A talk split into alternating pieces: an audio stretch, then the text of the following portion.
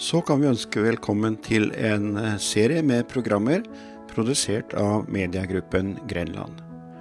Programleder er Erik A. Hansen, og gjest i disse programmene er sogneprest i Langesund, Jan Terje Hansen.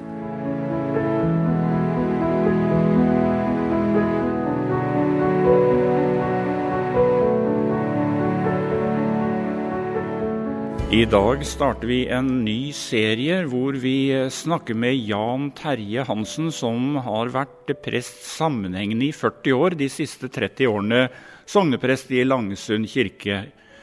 Og eh, nylig så gikk han over i pensjonistenes rekker. Og Jan Terje, er glad for at du vil være med oss i denne serien. Og du har jo mye å se tilbake på i tjenesten din, eh, som Gud har vært med deg hele tiden. Det har du jo sagt flere ganger. Ja, jeg har hatt absolutt et spennende liv, det må jeg si. Et uh, interessant og spennende liv i tjeneste for Vår Herre. Men det var det vel egentlig ingen som uh, trodde, for uh, han godeste rektoren på Brevik ungdomsskole, Krokstad, han sa jo i sin tid at hadde noen fortalt meg når du gikk her at jeg skulle bli prest, da tror jeg jeg hadde ledd meg i hjel, sånn, så det, det lå ikke i korta, for å si det sånn. Men prest ble du, og når du nå reflekterer over livet ditt og tjenesten din, så har du valgt å gå flere generasjoner tilbake i tiden? Nei, altså jeg har kikka litt på det med, med, min historie, da. For det er jo egentlig interessant for oss alle. Hvilken historie har vi? Og jeg skjønte etter hvert at eh, jeg hadde en mormor, eh, Gudrun, som var eh, veldig til å be. Og hun var vokst opp i en vekkelsestradisjon i Kragerø. Men uh, hun liksom kom ikke sånn veldig til orde i vår familie. da, For morfar han var den store karen, han var forretningsmann og dreiv godt. Og mormor var stille og beskjeden og, og sånn. Men uh, når vi skulle arve, da, så arva jeg Bibelen etter mormor. Og i der så lå det ett bilde, og det var et bilde av meg. Og det ble ganske rørende. Og da begynte jeg å se litt på historien til familien min. For jeg tror at eh, alle så står vi i en sammenheng, og vi har interessante ting i historien alle sammen. Og det jeg fant ut, da, det var veldig interessant. fordi at det som gjorde at min familie ble med skal vi si, i vekkelsesbevegelse og i kristen menighetssammenheng, det var min tippoldefar. Og han het Knut Klem og var fra Kragerø. og Han var på det tidspunktet han opplevde dette styrmann, og eh, var ute på vestkysten av Norge da de kom ut for en voldsom storm. Og da hadde ikke han noe spesiell kontakt med verken menighet eller noen ting. Var en helt vanlig mann, for å si det sånn. Og, og da skjer det at eh, de er i ferd med å gå ned. Det er meget dramatisk. Full storm hadde stått på. De var på vei mot skjæra. Og kapteinen kaptein sammenkaller mannskapet nedenunder og sier det at vi er fortapt. At det er ikke noe håp om redning. Vi går nå på om bare noen få strakser. Og da er det visstnok det som skjedde da, og det står faktisk skrevet om, og jeg har funnet det skriftet der det står, jeg har det hjemme. Da tok min eh, tippoldefar Knut Klem ordet, og så sa han hvis vi alle nå bøyer kne og ber til Jesus, så vil Gud redde oss fra denne stormen. Og da skjer altså det som er helt umulig. For idet han sier amen, så blir det stille.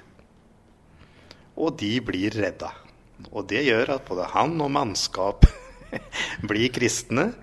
Og dette blir jo fortalt i Kragerø, og dette skaper en stor bevegelse som resulterer i baptistkirken i Kragerø. Det minner jo ganske mye om eh, beretningen fra apostlenes gjerningers siste kapitler eh, om Paulus, det? Ja, det gjør det. Også, og noe på Genesaretsjøen òg. Om noen som var uh, ute i hardt vær, og mesteren kom og sa 'vær stille'.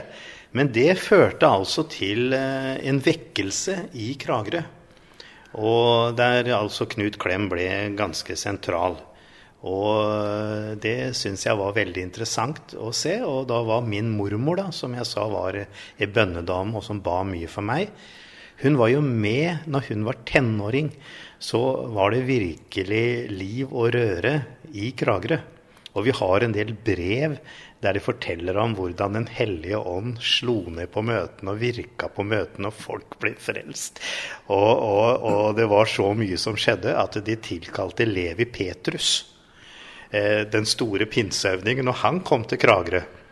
Og da eh, skjedde det at han forelska seg da i søskenbarnet til mormor, Lydia Danielsen. Og, og de gifta seg. Og der var mormor og morfar i det bryllupet. Så, så, jeg på en måte har en vekkelsestradisjon i blodet da, som jeg ikke var klar over, og som jeg tror faktisk eh, har vært viktig for min del, og det som har skjedd med meg i mitt liv. Ja, Var det noe som da inspirerte deg til å bli kristen, til å bli prest, og sånn noe du har tenkt på opp gjennom i livet? Nei, ikke i det hele tatt. Jeg visste ikke om dette her, jeg før jeg begynte å studere det og sette meg inn i det og forske litt på familien min i Kragerø. Så, så det var rett og slett bønnene eh, som levde. Og det er jo veldig mye spennende som skjedde nede i Kragerø. Jeg kunne tenke meg å fortelle en eh, beretning neste gang. Og det gleder vi oss til allerede. Takk denne gangen til Jan Terje Hansen. Og vi takker også Erik A. Hansen, som har gjort dette intervjuet. Han jobber altså i mediegruppen Grenland, en eh, lokal radiostasjon i grenlandsområdet. Og vi skal få høre mer fra disse to herrene om ikke lenge.